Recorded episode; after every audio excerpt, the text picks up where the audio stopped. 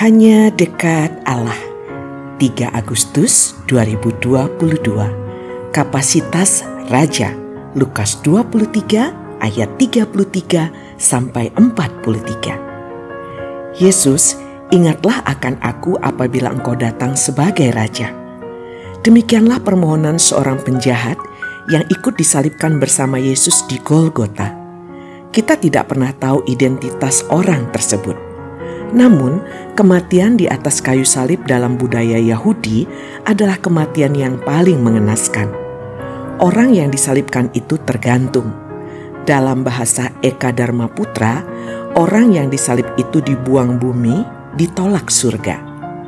Dalam budaya Romawi, hukuman salib hanyalah untuk orang yang sungguh-sungguh jahat dan dimaksudkan untuk menghina orang tersebut.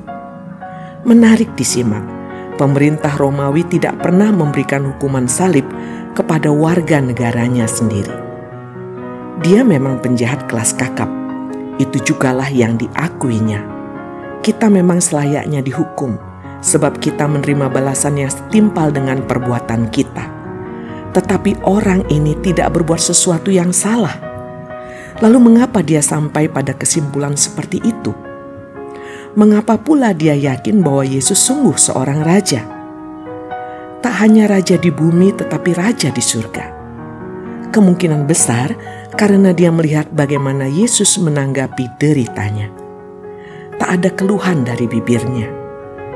Meski saya duga Yesus juga tidak tersenyum, tak ada caci maki keluar dari bibirnya terhadap orang-orang yang menyalibkannya.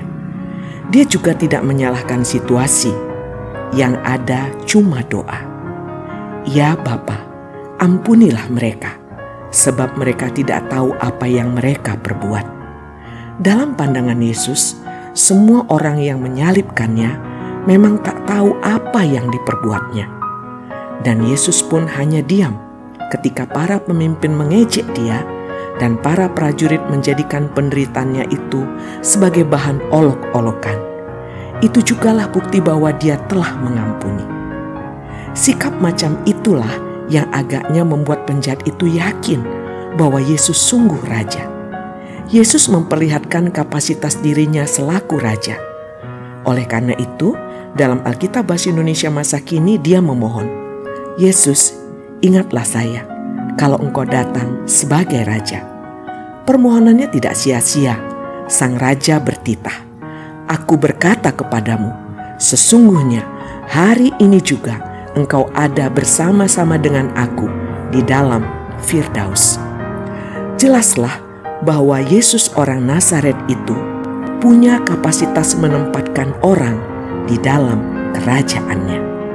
Salam semangat dari kami, literatur perkantas nasional. Sahabat Anda bertumbuh